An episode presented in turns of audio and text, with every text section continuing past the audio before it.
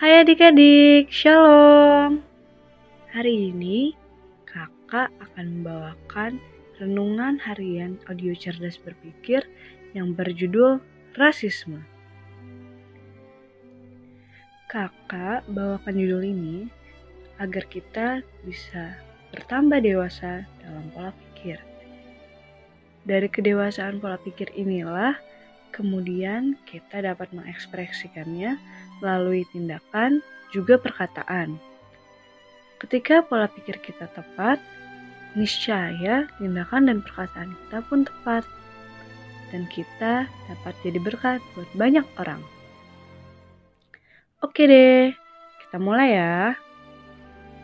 Rasisme adalah suatu paham atau pola pikir yang rasis yang menyatakan bahwa perbedaan-perbedaan yang terdapat pada ras manusia menentukan capaian budaya atau perseorangan.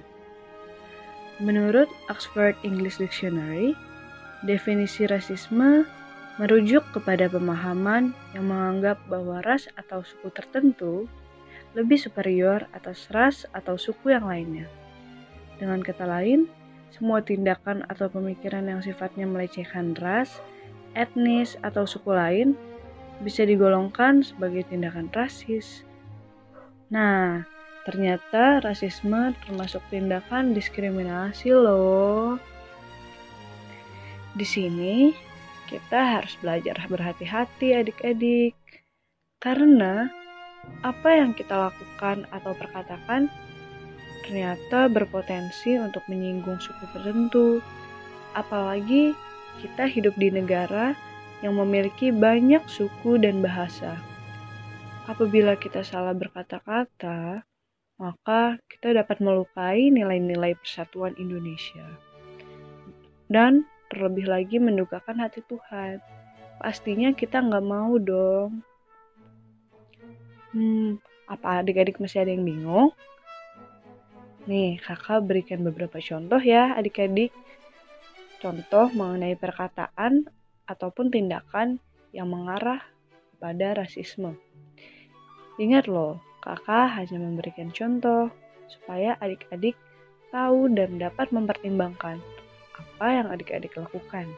Kakak nggak bermaksud untuk rasis ya. Yang pertama, misalkan ketika sarapan, kita bilang, sarapan roti dong ma, biar keren kayak bule. Bule adalah kata slang yang umum digunakan oleh masyarakat Indonesia untuk menyebut orang asing atau keturunan kulit putih yang ada di Indonesia. Sebagian masyarakat kita mungkin terbiasa menggunakan istilah bule tanpa maksud menyakiti.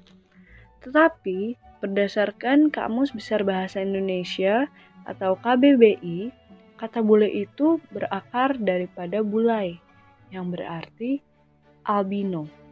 Itu sebabnya beberapa orang asing atau ekspatriat yang belum lama tinggal di Indonesia terkadang tersinggung perasaannya akibat istilah ini.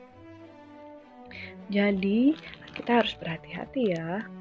Selain itu, sifat yang menganggap bahwa makanan bule lebih keren daripada makanan asli Indonesia juga merupakan salah satu cerminan sikap rasis terhadap bangsa kita sendiri.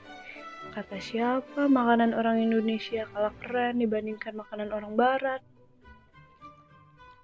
Contoh yang kedua, misalkan ada yang berkata, lelet amat sih kayak orang Jawa, atau kamu keras banget deh orangnya, dasar Batak, atau kamu orang Sunda ya, pantas aja cantik, dan masih banyak contoh-contoh yang lainnya. Memangnya orang Jawa selalu identik dengan sifat lelet? Kan enggak, banyak loh orang Jawa yang rajin, pekerja keras, dan gak lelet. Terus memangnya orang Batak selalu identik dengan sifat kasar, keras, dan lain sebagainya? Enggak loh, kan memang dialek orang Batak terdengar seperti itu. Banyak orang Batak yang enggak kasar, hati-hati dalam berkata-kata. Karena kalau kita tidak memikirkannya baik-baik, kita dapat merendahkan dan melecehkan suku yang lain. mengenai ucapan kamu orang Sunda ya, pantas aja cantik. Memangnya yang cantik cuma orang Sunda? Enggak loh, mulai dari orang Aceh, Padang, Palembang, Batak, Jawa, Dayak, Bali, Kalimantan, Sulawesi, Lombok, Papua, dan yang lain-lainnya. Semuanya juga cantik-cantik dan ganteng-ganteng. Jangan sampai kita terlalu meninggikan suatu suku, tapi nggak melihat kelebihan suku yang lainnya. Pada dasarnya, setiap suku memiliki keistimewaannya masing-masing, sehingga kita tidak boleh merendahkan satu suku pun. Lalu, misalkan ada yang menghina atau mengejek dialek atau logat suku tertentu, seolah-olah menggunakan bahasa daerah kayak gimana gitu. Maksudnya bercanda sih, tapi tanpa disadari, mungkin itu dapat melukai hati orang dari suku yang dimaksud. Ketika menggunakan dialek atau bahasa suatu kelompok tertentu, ya pakailah dengan benar sebagai suatu wujud sebagai suatu wujud menghargai suku tersebut. Kakak mau bacain Amsal 11 ayat 12. Bunyinya seperti ini. Siapa menghina sesamanya, tidak berakal budi, tetapi orang yang pandai berdiam diri. Jadi, ayo kita mulai menjaga perilaku dan perkataan supaya kita nggak rasis. Karena kita semua adalah satu Indonesia. Mari kita berdoa. Tuhan Yesus, kami bersyukur untuk renungan hari ini.